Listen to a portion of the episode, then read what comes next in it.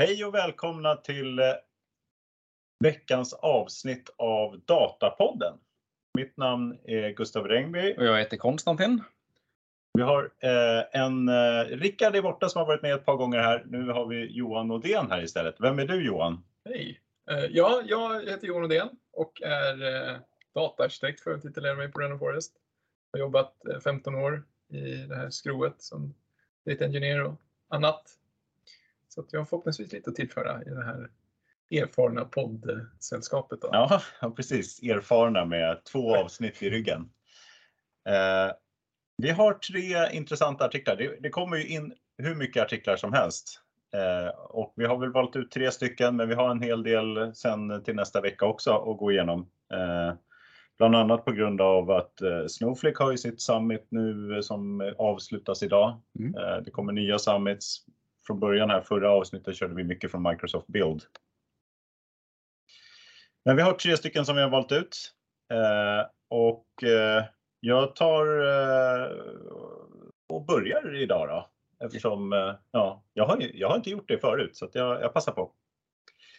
Så då har vi en artikel från siliconangle.com. Den här artikeln släpptes 9 juni 2022. Och eh, rubriken är Databricks adds data lineage feature to its catalog with support for non-traditional uses.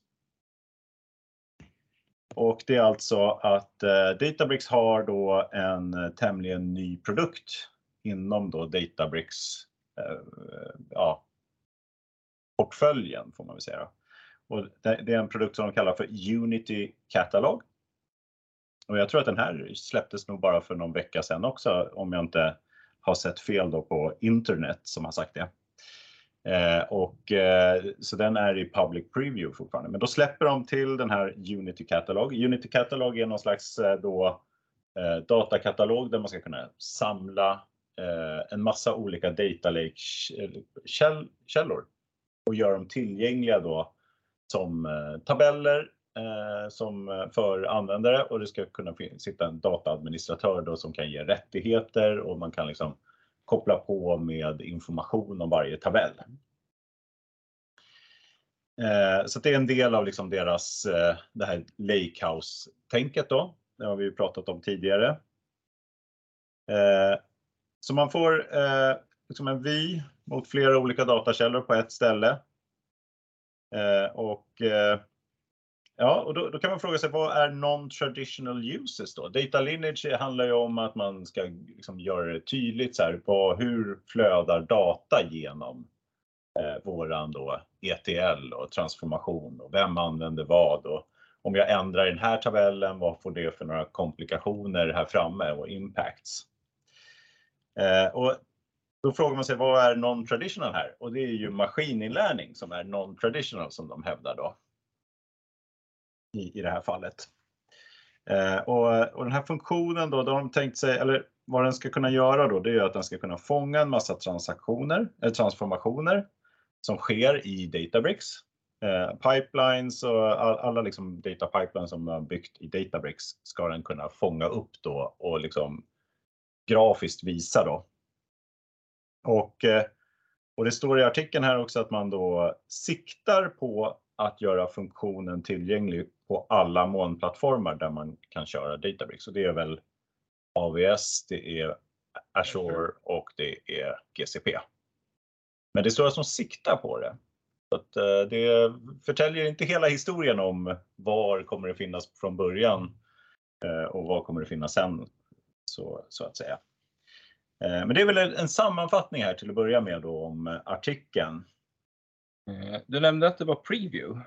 Det står mm. inget när det förväntas släppas på riktigt. Nej, jag, det vet jag inte när det kommer släppas. Utan det stod public preview, så det är väl en tidig, eh, eller ja, halvtidig då kanske, public preview. Man mm. har väl kanske en private preview först. Eh, så att, eh, jag vet inte när det kommer släppas helt och hållet och det säger man inte i artikeln heller då. Men eh, det här med datakataloger är ju, har ju blivit väldigt populärt. Mm. Det, det känns som många nya företag också som man ser som är dedikerade för datakataloger. Ja, Det kommer tredjepartsprodukter. Precis. Alla, liksom, eh, alla andra satsar på det här. Mm. Och det är ju någonting som kunder pratar om också Mm. hela tiden. Det är verkligen väldigt hett Mm. med data catalogs. Men vad, är er bild av liksom det här data governance-arbetet hos, hos de ja, organisationer ni har jobbat i? Alltså det här är ju alltid svårt. Speciellt om man bygger en modern lakehouse-arkitektur. Att hålla reda på vilka data man har i sin plattform. Så att, att ett katalog mycket som en liksom, traditionell systemdatabas i en traditionell databasmotor. Alltså din, du har ett metadatarepository som håller reda på information om alla dina tabeller. Och nu kommer det till den moderna stacken också. Att det kan göra samma grej och det känns ju helt rätt väg att gå. Och man märker liksom att det här närmar sig den traditionella databas Men det sånt man egentligen har haft i de gamla de här data warehouse-lösningarna så har det funnits ett bra tag kan man säga. Ja, det har ju funnits. Så det är egentligen Databricks som springer ikapp liksom på den sidan. Precis, men det, då har du ju varit tvungen att tratta ner dina data i en databas. Mm. Här kan du lägga in det i din plattform och sen lägga på metadatan efteråt i, på en sån här unit katalog. Jag tycker det är en superintressant feature. Mm. Um, för det, jag tycker, tror att den är mer än en, än en datakatalog. Den kommer ju vara mycket mer tajt kopplat på datat. Alltså du verkligen definierar dina tabeller. Mm. Där och då. Liksom. Men Så du närmar dig en, en schema on write. Liksom. Men ska man kunna säga någonting om målgruppen? Att det är slutanvändarna som ska hitta data som finns där? Eller är det mer utvecklarna som kunna se, ja, men om jag ändrar här, vad, vad påverkas? Mm. Det där känns som en, eh, en fråga som kanske inte ställs det första. Alla, alla har förstått när man pratar med kunder också Mm, att man behöver en data catalog. Men sen så det är bara ett tekniskt ord som man använder. mm, Man har inte fyllt det med, med varför. Så här, är det användare eller är det andra data engineers? mm, Och en del säger ju det här att de behöver en data catalog så har man kanske behov av en data engineer. mm, Då blir det lite mycket att att liksom dokumentera allt man gör när man ändå är bara en. Det är ingen kollaboration som kommer öka av att man har den här datakatalogen. Får man väl säga. Men det känns som det är Unity-katalogen som är den stora coola grejen. Tänker jag. Alltså Ja. Lineagen är ju cool om den funkar. Ja. Eh, men att bara få en datakatalog på sin, Ja, det är det stora. eh, man säga, data lake eh, är ju Mm. den stora. Liksom. Ja. Så Lineagen är som en bonus på toppen. Mm. Ja, men absolut. absolut. Eh, ja, eh, jag, jag funderar på om den här data lineage-funktionen. de- säger ju att det här ska funka med liksom, det ska funka och den ska kunna hämta upp saker från Python, alla koder liksom som de stödjer, programspråk, skript. Det är ju Python och det är eh, Scala är det va? och SQL och så vidare. Men man undrar ju också lite så här hur bra den gör det. Om den kan verkligen koppla upp allting eller om man skriver för parametersats, liksom generella parameterflöden. Det är så man vill bygga. mm. Eh, så kanske det inte är så lätt. Så jag, jag kan- funderar på om den, har en, om den kommer ha en sån här API så att man kan lägga i sina egna grejer. Mm. För det känns som en första grej, att det måste ha det om man ska kunna använda den. Eh, Gör man annars komplex logik, if then ja, case-satser, liksom, det, det blir ju Ja. supersvårt. Eller att du har en del av datalösningen ändå som ligger utanför Databricks som du Ja. också vill ha på samma ställe. För om det ska vara en Unity katalog så måste du ha allt. Liksom. Mm. Det, då blir den ju mer effektiv får man säga. Och den, det bör ju vara, i princip allt borde ju vara liksom automatiserat. För man, man ska ju inte krävas att man behöver gå in manuellt och uppdatera Mm. när man lägger till nya fält och sådär. Liksom, utan, annars blir den inte underhållen, då blir den inaktuell ganska snabbt. Men eh, är datakatalog eh, begreppet då? Är det, är det liksom det viktigaste för data governance eller finns det andra delar som är viktiga? Tycker ni? På tekniksidan så är det ju en jätteviktig grej. Mm. Sen så tror jag någonstans måste organisationen komma först. Men för att man ska kunna hålla reda på lineage eller ägarskap för Mm. olika data så behöver man en datakatalog för att liksom få utväxling av det. Men katalogen i sig eh, ger ju ingenting om det inte är organisationen runt omkring. Nej. Men, det, men jag tror det är superviktigt. Ja, det känns som eh, innan de här Data Catalog blev eh, tillgängliga och vanliga, då kunde man ju skriva ihop det här i en sån här wiki var ju vanligt förut. Det funkar ju då också. Det är bara att man inte har lika bra tekniskt stöd. Mm. Det är ju inte. Men däremot så måste man ha, om man inte har användare som utnyttjar och har nytta av det, då finns det inte heller någon mening med att fylla på med information där på något sätt. Och det är väl där man måste först hitta en bra blandning av ja, hur mycket ska man dokumentera och hur mycket kommer användas? Hur många användare har vi som kan dra nytta av det här? Man kommer väl ner på den frågan som du var inne på också Konstantin. Ja, men det är väl kul i alla fall. Det är en rolig funktion och kul att se vad, vad den drar iväg. Men eh, ja, och så finns det alla, alla dataplattformar släpper något eh, om de inte har redan en sån här, har tanken kring datakatalog. Men så finns det väldigt många tredjepartsprodukter här Mm. också. Det är verkligen eh, liksom det här området där det finns väldigt mycket idéer. Ja, verkligen. Ska vi ta, då, visst sa vi här innan mötet, äh, inspelningen, att vi kör Snowflake-nyheten här nästa, Ja, Konstantin? precis. Eh, jag har också hittat en artikel här på Silicon Angle eh, som heter How Snowflake plans to make data cloud a de facto standard. Eh, kopplar lite grann till eh, allmänna tillståndet för Snowflake, hur det går för bolaget och eh, framtidsutsikterna. Det, var ju, det har varit extremt höga förväntningar ja, typ sedan första början, men framförallt när eh, Frank Slotman tog över som vd 2019. Eh, som då kom från ServiceNow. Och lyckades göra en fantastisk resa med det bolaget och hitta nya typer av marknader. Att det inte bara var liksom ett helpdesk-tool utan att det fanns annat HR och massa andra olika områden som man kunde utnyttja det här programmet på. Så att om man, eh, i den artikeln då så var det lite så här att marknaden la ihop Flank Slutman och data. Det här är ju en magisk kombo. va? Så det har varit liksom väldigt höga förväntningar och sen har ju Snowflake också levererat. De har ju legat på så här tillväxt på 100% på årstakt. Det är helt otroligt. Ehm, men då skriver de i artikeln här också att det har ju lite lett till att marknaden förväntas de ska slå förväntningarna, inte möta förväntningarna. Ehm, och jag menar som många tillväxtbolag så man har ju, man- det avtar ju lite grann, även om man har väldigt snabb ökningstakt, tillväxttakt, så avtar det lite grann och nu börjar de liksom, avtog de, liksom, de mötte förväntningarna helt enkelt rätt så nyligen ehm,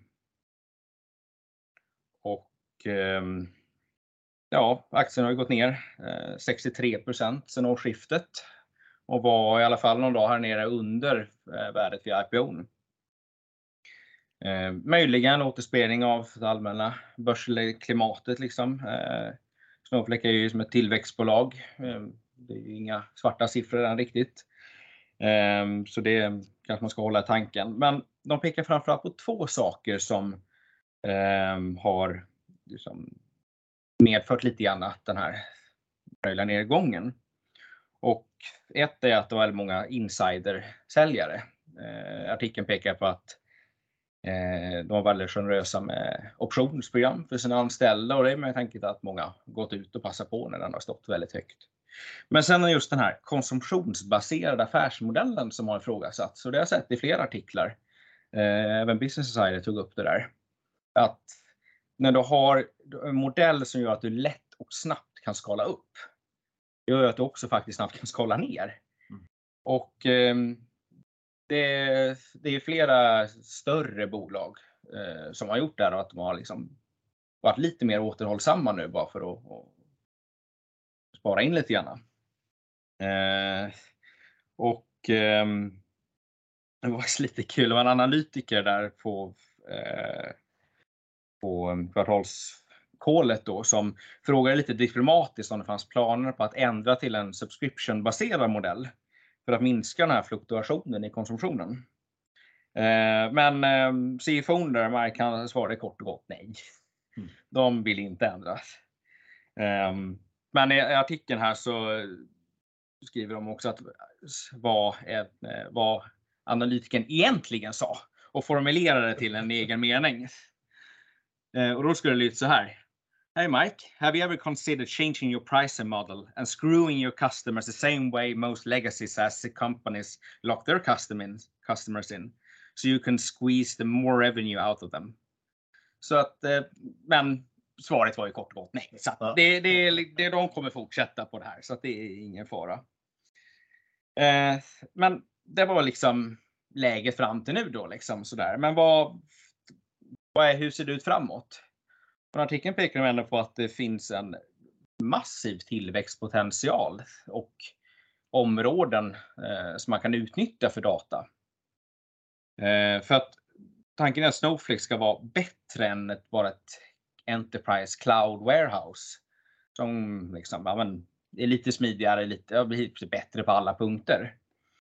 Eh, för de talar om the supercloud. Jag vet inte om det är ett begrepp som är allmänt känt eller om det bara är artikeln här.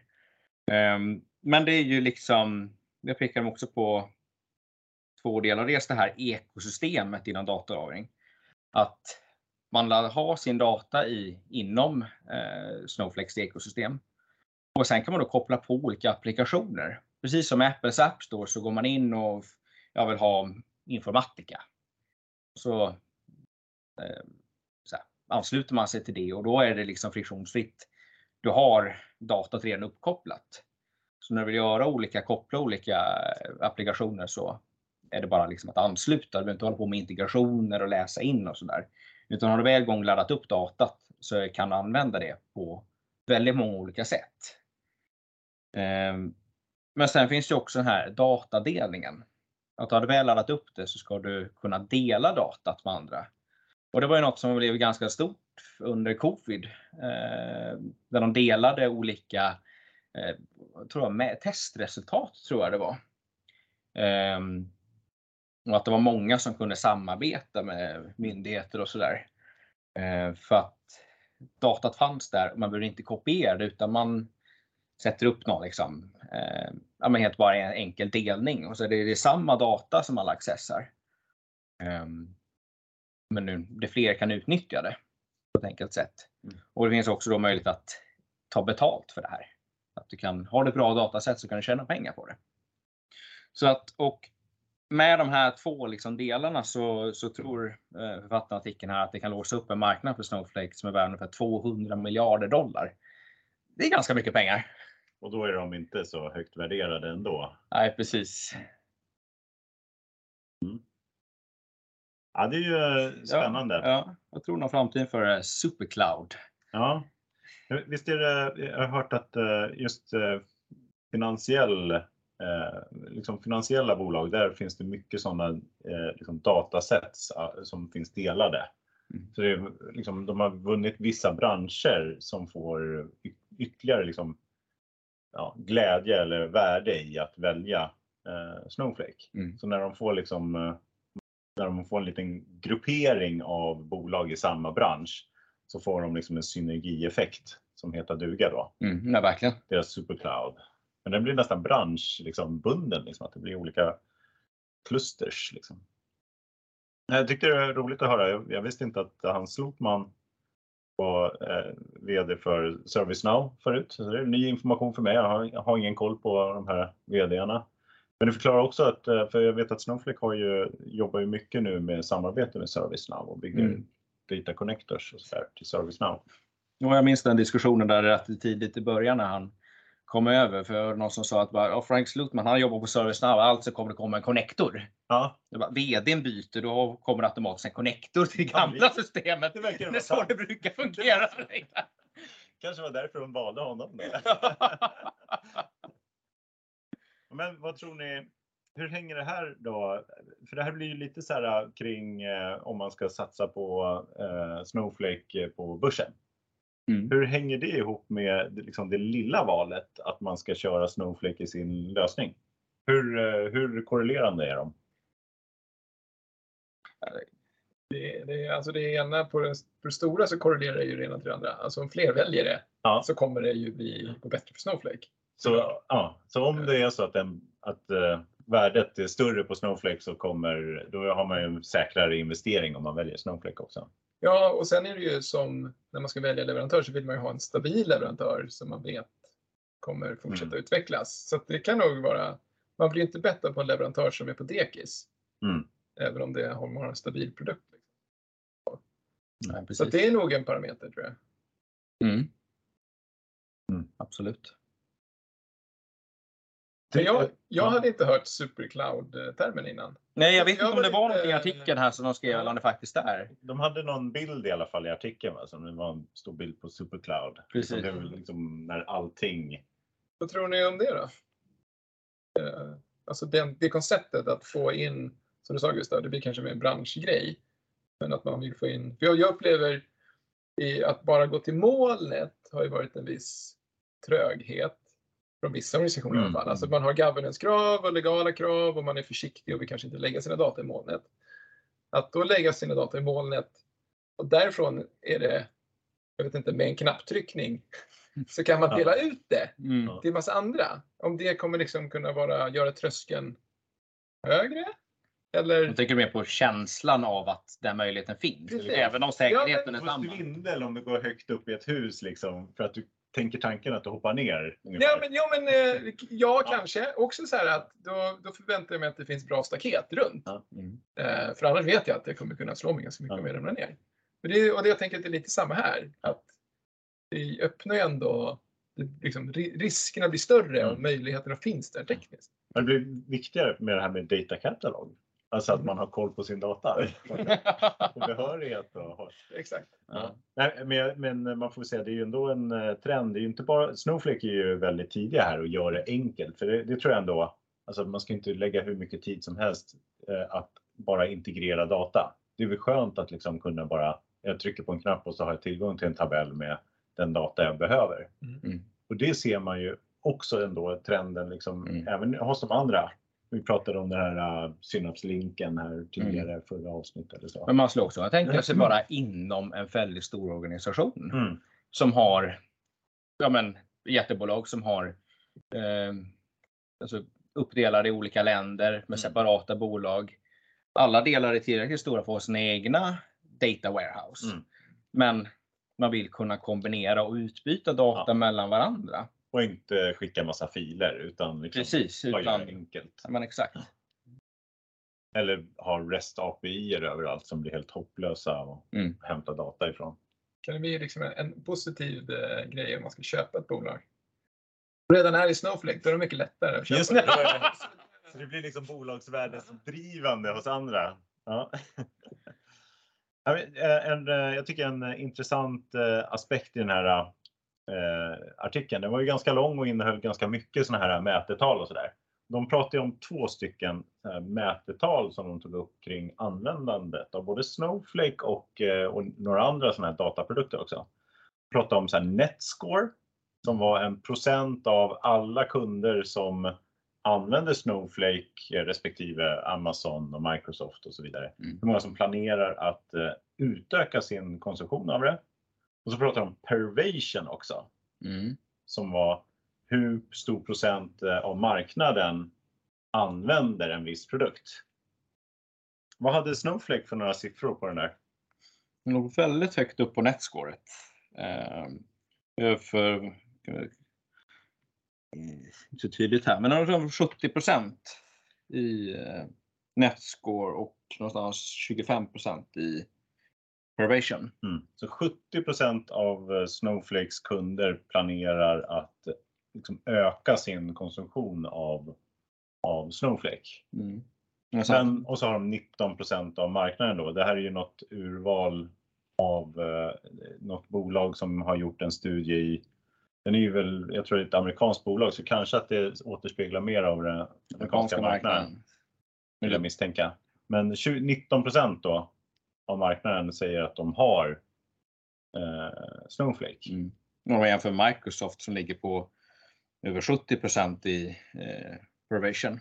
Mm. Men eh, Ja, helt ungefär ligger ju 45 i, i netscore. Ja, de ligger ju helt oerhört långt ut. De är verkligen längst ut till liksom, hur många som använder Microsoft.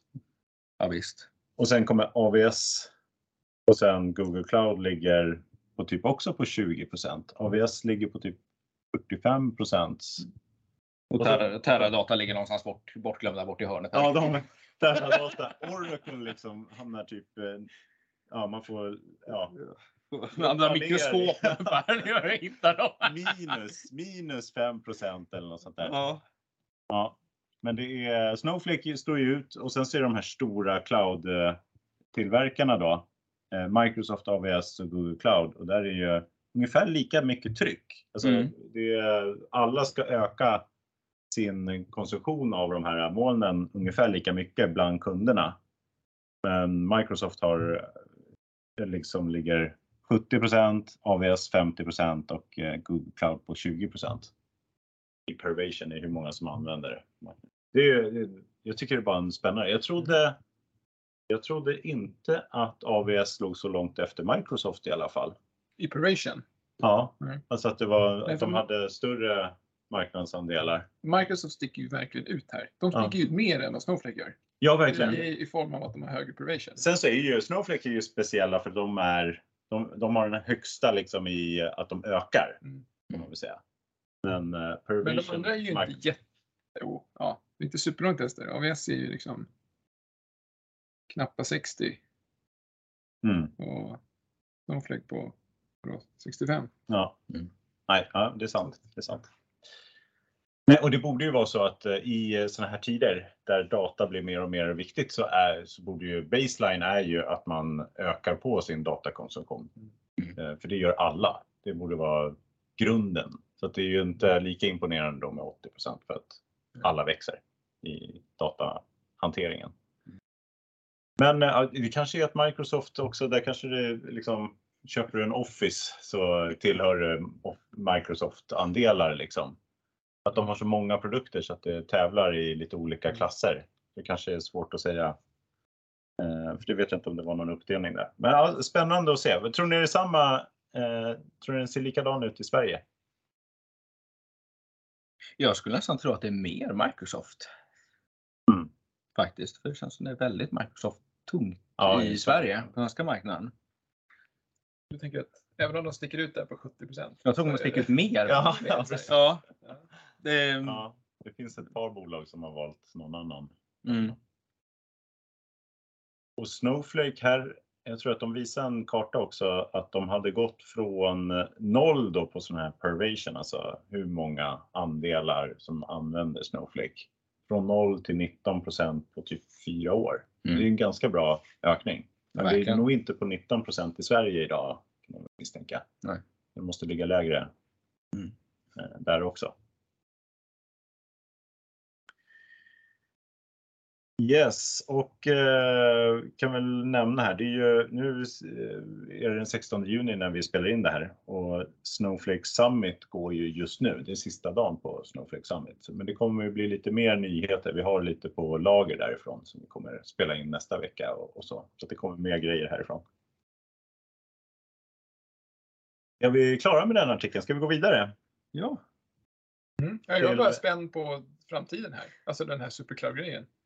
Eh, Jag tror verkligen kommer? eller. Nej, men liksom om det där kommer bli någonting. Alltså om, det, om man kommer få den utväxlingen Ja. på det där.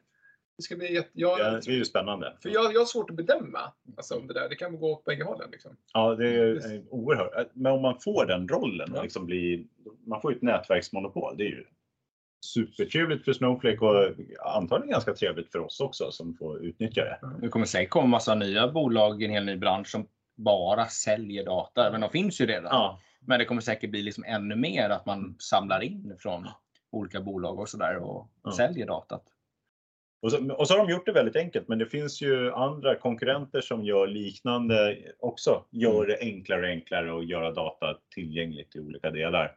Så Databricks står väl bakom någon open source lösning som de vill ska bli standard istället och så vidare. Så att det finns väl lite konkurrenter också. Men man är väldigt nyfiken på om vi står här om två, tre år. Och hur det ser ut då. Liksom. Ja, Mm. ja verkligen.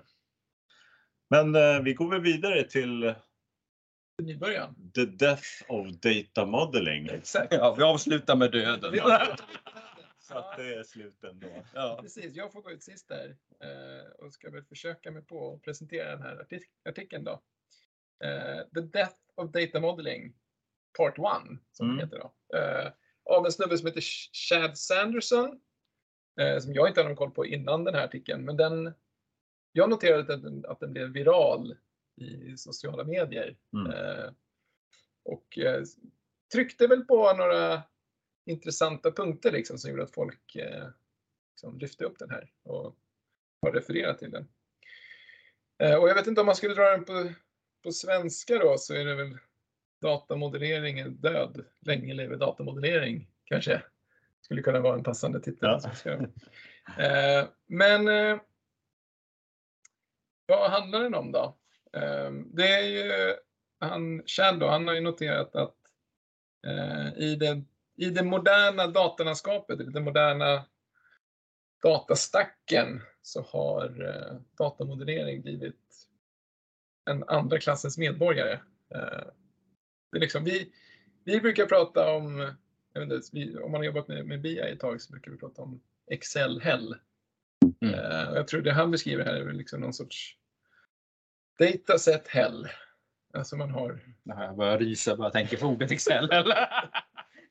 Nej, men liksom att man, det man bryr sig inte så mycket om modellering utan det är viktigt att producera data för olika use cases i olika fall. Liksom. Eh, och hans liksom, bakgrunden till det här tycker han är liksom, skiftet till det som vi har haft under de senaste åren, att man liksom gått från ETL till ELT. Eh, innan var man tvungen att modellera för att man hade schema on write och då var man tvungen att göra någonting oavsett om man ville eller inte liksom, för att få in sina data i plattformen. Med liksom, eh, EL, skiftet till ELT och schema on read så har man liksom bara kunnat ösa in grejer i sin platta. Och så man bara kört på liksom, och kört use case-drivna fall. Och då, han har identifierat liksom fyra punkter då som är problematiska med det här ELT, driv, den ELT-drivna plattformen. Och det första är att eh, man, man eh, separerar dataproducenterna från konsumenterna. Eh, att som producent av data så bara öser man ut det i plattformen och så glömmer man bort den. Eh, och det gör det väldigt svårt i efterhand att försöka kombinera olika data. Det finns liksom ingenting som hänger ihop utan alla har bara producerat sin data och kastat ut den egentligen. Eh, det är det första. Och det andra är att eh, data engineers i den här världen blir eh, flaskhalsar. För det blir en liten skara människor i en organisation som klarar av att skyffla data från en producent till en konsument. Och man måste alltid paketera varje konsumtionsdataset så att det blir rätt för den som ska ha det just nu.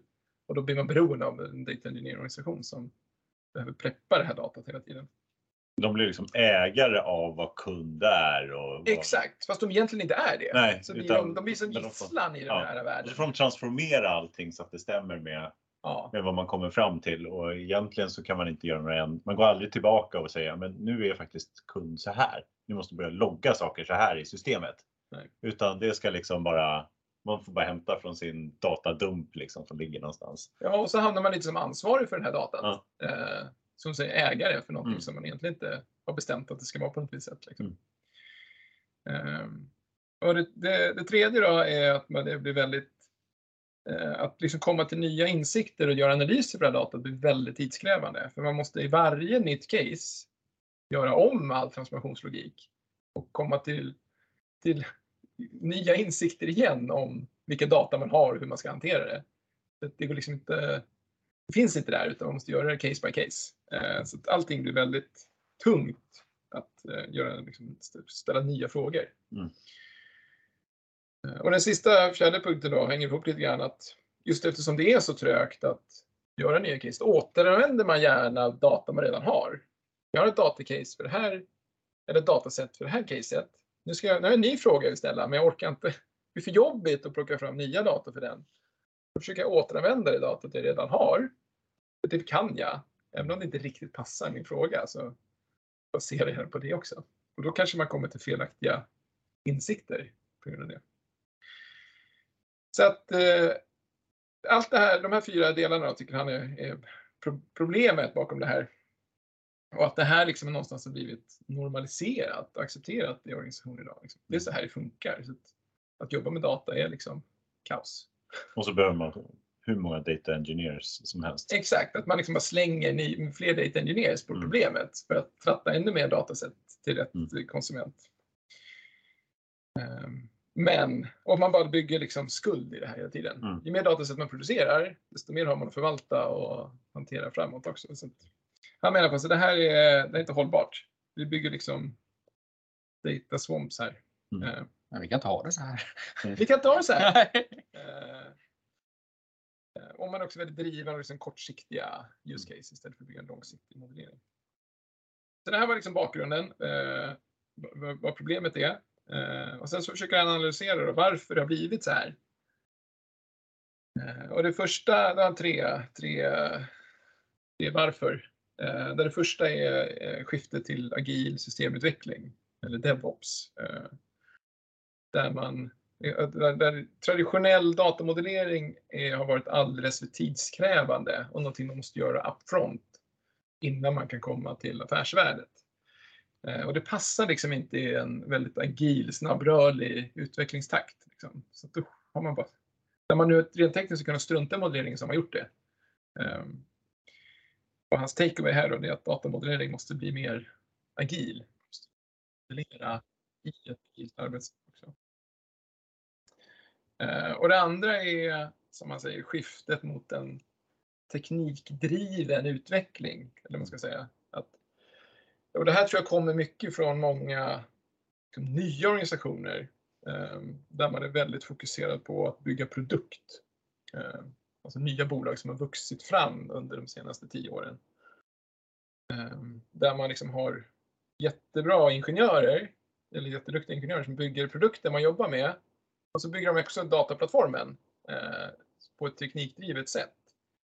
De har liksom inte haft förståelsen för att det behövs en datamodell här. Utan det är skitsnabba laddningar, vi kan hantera terabytes av data och vi har jättesnygga visualiseringar och allt är Mm. liksom top notch teknikmässigt. Men det är ingen ordning på data. Det har man liksom inte tänkt på.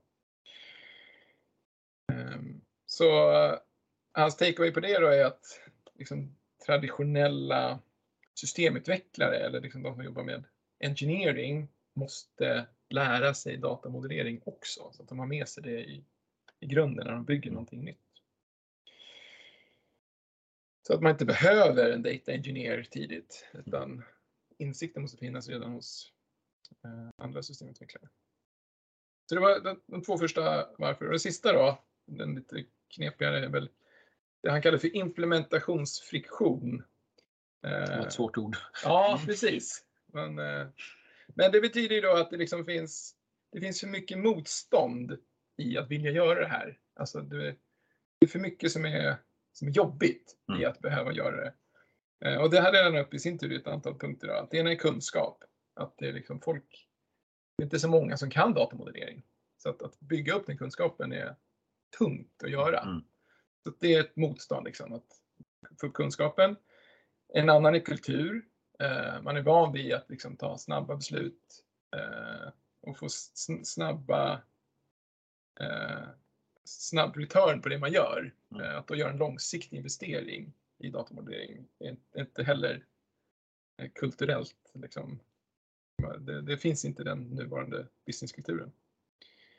Eh, och likadant, ja det är väl lite samma marknadsmässigt. Det finns liksom inte ett eh, det, det, man- det är svårt att göra ett business case på att om det här datat så kommer jag få ut det här värdet sen.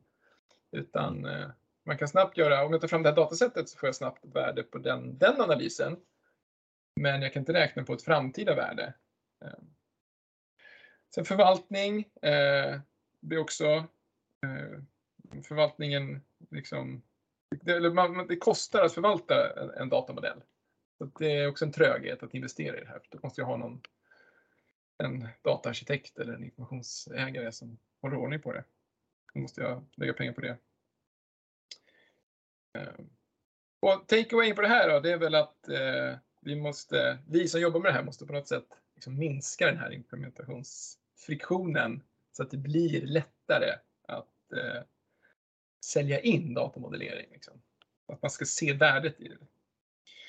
Så att det här, det här var hans då, eh, analys av eh, problemen med den moderna datastacken och varför det har blivit så här. Eh, Så det jag säger då, det här, det här kontentan är liksom att datamodellering har de senaste tio åren helt dött eh, i, i det här, inom vårt område. Men det enda vi gör nu är att bygga skuld och bygga data swamps. Eh, Så att vi, vi måste lyfta det här. Eh, Så taken här är så här, är, är 2022 året då datamodellering får en revival eh, och blir liksom hett igen? Så att vi måste skapa en bass kring datamodellering så att man vill hålla på med Det det. blir coolt igen. Det blir coolt igen. Ja. Eller igen, ja. ja. Så att det var en, en lång utlägg, men det, så att det är ju det här är ju mer eh, till skillnad mot en produktnyhet då, som vi har pratat om tidigare. Ja. Så det här är liksom mer en, eh, en bloggartikel med lite tyckande. Ja. Eh, Men jag tycker den är väldigt intressant och den har ju fått väldigt mycket uppmärksamhet då, Ja. i sociala medier. Så att det är nog många som verkar hålla med om det här. Mm. Stämmer det med den bilden ni ser? Ja, men lite så. Jag, ehm, jag hörde någon för ett tag sedan, lite, kanske lite halvkontroversiellt uttalande, men eh, de sa att en data engineer det är en extremt bra kravställare. Ehm, för att de har koll på datat, kan göra sina grejer, men det är ingen som håller i längden utan man får en extremt bra spes. Och sen tar man den och så ehm, gör man någonting hållbart av den. Men det är också liksom man tar över den här tekniska skulden och gör det lite mer streamlinat och validerat och sådär. Ja, men det tror jag också. Jag tror en bra data engineer ställer istället kraven på datakällan. Så att man liksom inte gör, löser allting i, liksom, när det väl kommer till en analysplattform eller dataplattform. Utan att man ställer kravet att så här, det här måste ni ordna Mm. här. Eh, Så att det blir en del, man tar inte bara och tar fram en spes för vad man ska bygga utan ja, men så mycket som möjligt och det är alltid sådär, man ska ju uppnå affärsvärde. Eh, Så att det blir en del som man måste lösa Mm. för data engineern att lösa också för att göra en snabb lösning för att få ut affärsnyttan.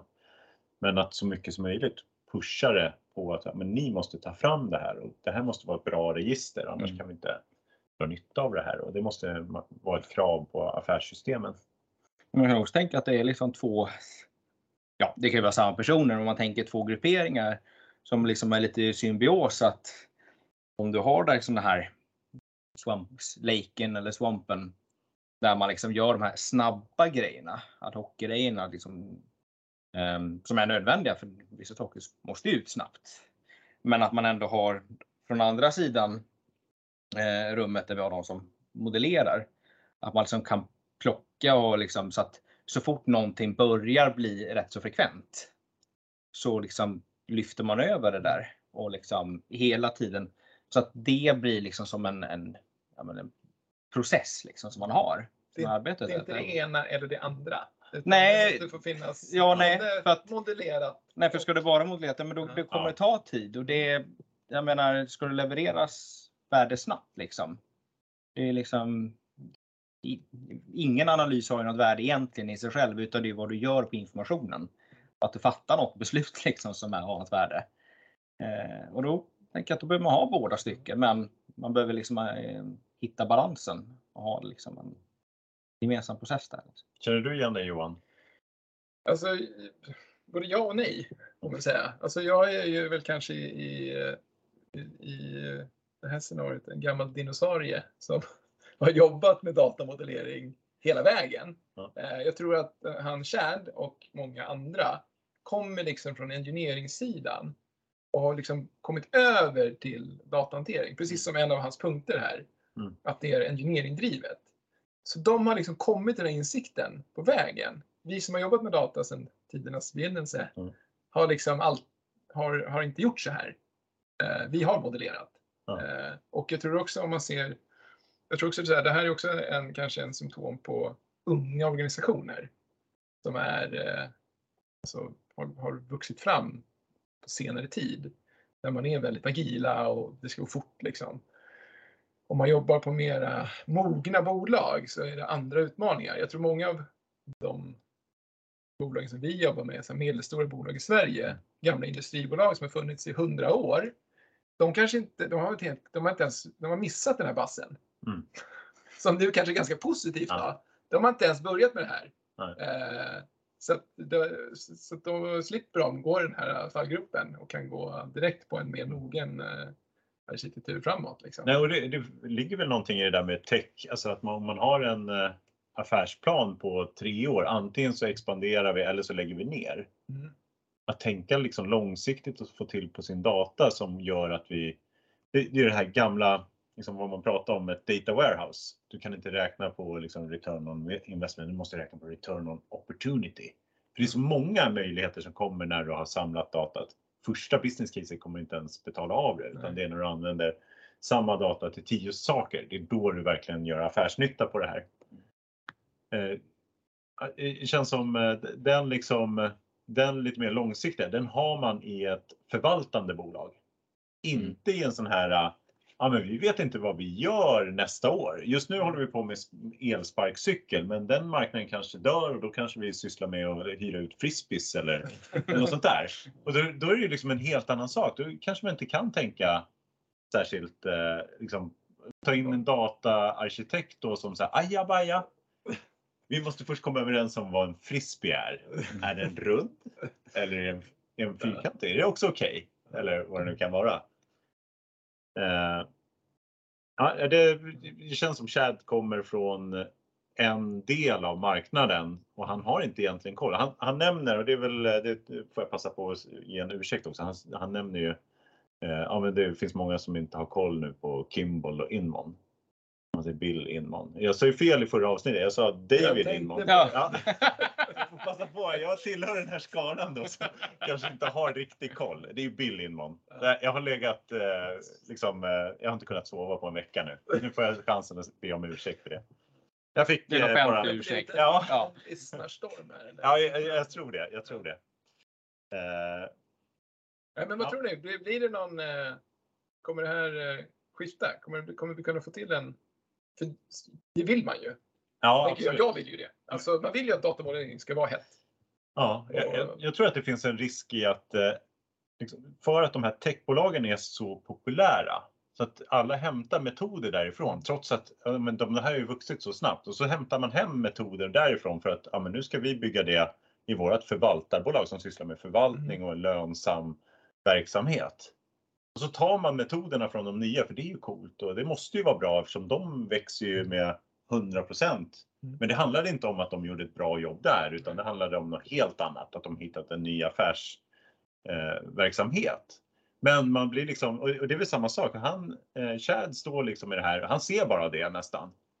Eh, och, och det kanske är många liksom som sitter ute i, i, och jobbar med data i de här gamla förvaltarbolagen som bara ser det här också.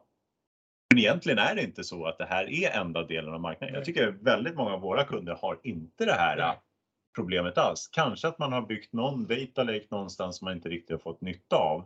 Men det är inte så vanligt att man har gått in i det här eh, tankarna. Det tycker jag inte.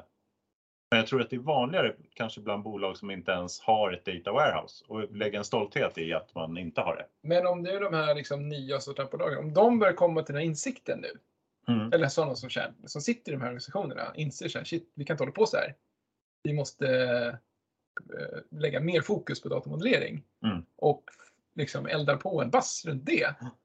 Det blir man ju glad av, och liksom, om det kan Ja, precis. Men jag tror fortfarande att det kommer vara problem om det är just de här growthbolagen, för de kommer se annorlunda ut ändå. Deras behov är ändå annorlunda mot resten av verksamheten eller de normala bolagen. Det kan inte vara så att många av de här bolagen har mognat nu då? Eller börjar mogna och liksom stöter på de här problemen? Ja, så kan det vara. Och sen tror jag också att eh, bara den här effekten av att räntorna går upp nu kommer göra så att det blir mindre eh, de här, eh, så här expansiva bolagen som är, inte försöker göra lönsamhet. De kommer bli lite mindre populära, åtminstone nu i närtid.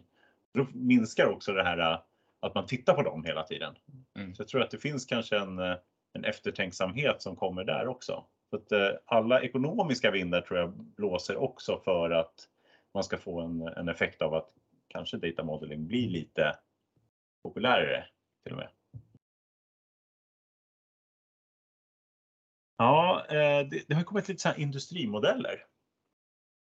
Som har, jag tycker man dyker upp och har varit lite det har ju funnits länge, men eh, det, har funnits en del trender på liksom att man köper in en färdig affärs... Mm. Så här ska vår affärsinformation se ut, för det är så det ska se ut i den här branschen. Det låter väldigt amerikanskt. Ja, lite amerikanskt sådär. Va- Hur skulle ni, hur, skulle den eh, liksom tolkas av Chad, tror ni?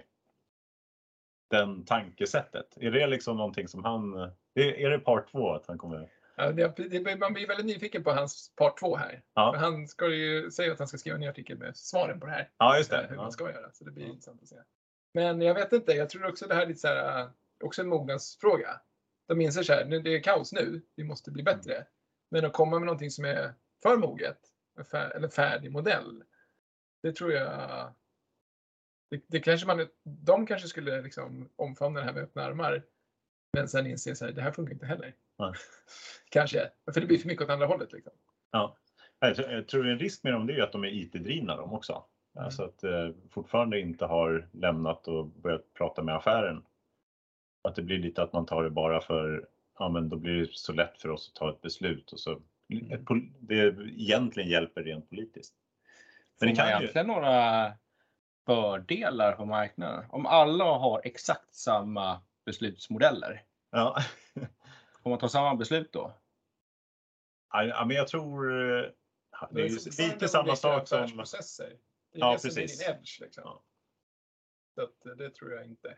jag tror det är inte samma problem som egentligen det var kanske när man satte in ett jätteaffärssystem. Det är ju, här är ju ändå att man bara ska ha liksom ett mellanlager av data så att du kan byta affärssystemen under eh, och fortfarande ha liksom en masterdata som ligger, för då är det ju också tänkt, de här industrimodellerna brukar vara tänkta som masterdata.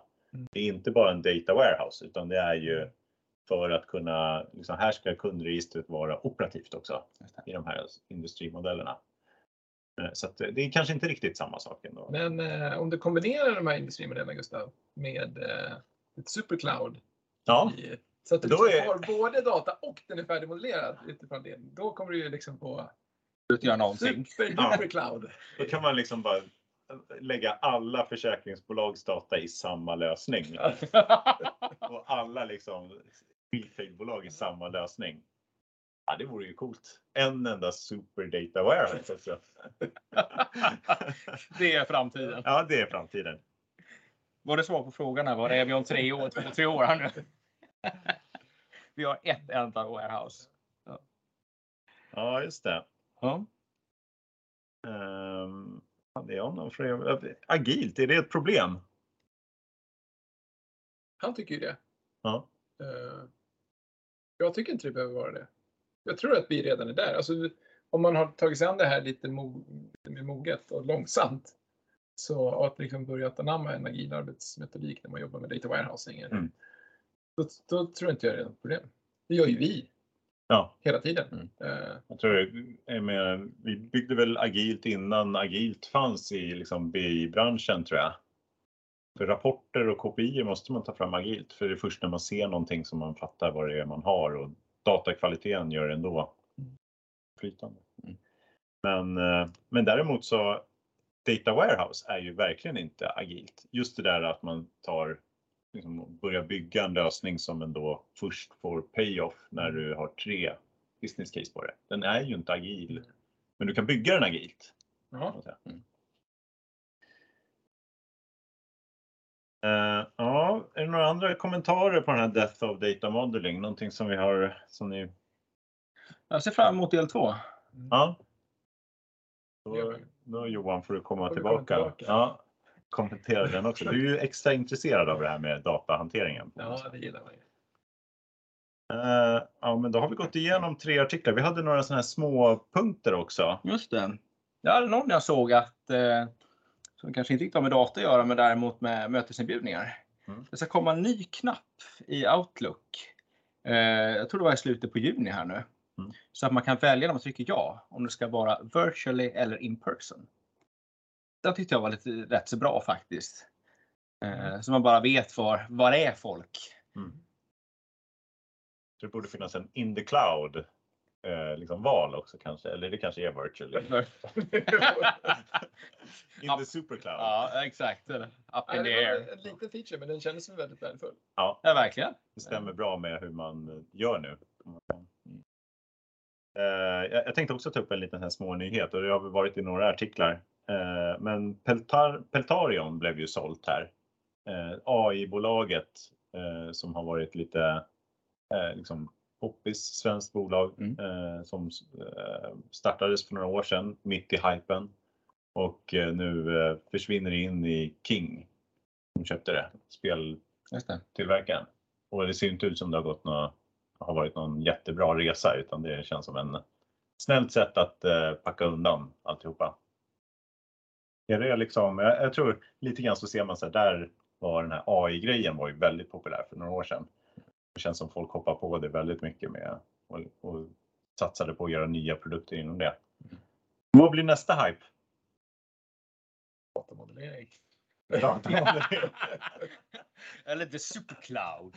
Supercloud, Ja. datamodellering eller data catalog. Det, Det är ja. väl de vi har. Det låter lite Alltså, mossigt med data precis. catalog. Liksom. Jag tänker på den här gula telefonkatalogen man hade. Liksom, Det är- data liksom. Det, Det är ju det som är problemet. Alltså, det är ju bara coola, alltså det måste vara någonting nytt och eh, alltså det Nej, jag tror det är svårt att, att säga vad nya hypen är, men det kommer inte vara någonting nygammalt tror jag. Nej. Det är någonting, det är produktbolagen som driver det här. Ja. De vill ju kränga mera prylar, mera konsumtion. mm. Det är väl, den här Supercloud är väl bästa gissningen. Liksom. Det här ekosystemet eller återvinna data i, Mm. så att man köper mera Snowflake. Mm. Ja, så nu har vi nästa vecka kommer det nog bli mycket Snowflake-nyheter. Mm. För de har Snowflake Summit nu 13 till 16 juni.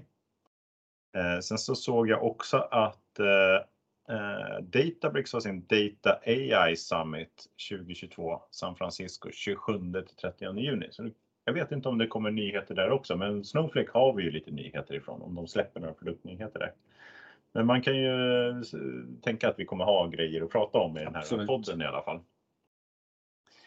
Eh, så att eh, om vi inte har något mer att tillägga så tar vi väl och tackar för dagens avsnitt som blev mycket längre än vanligt. Så det tackar vi för Johan. Ja. Tack för att jag fick vara här. Tack för att du var här. Tack så mycket. Hej då! Hej då! Hej då. Vakna klockan fem, det är mörkt nu igen Som om idag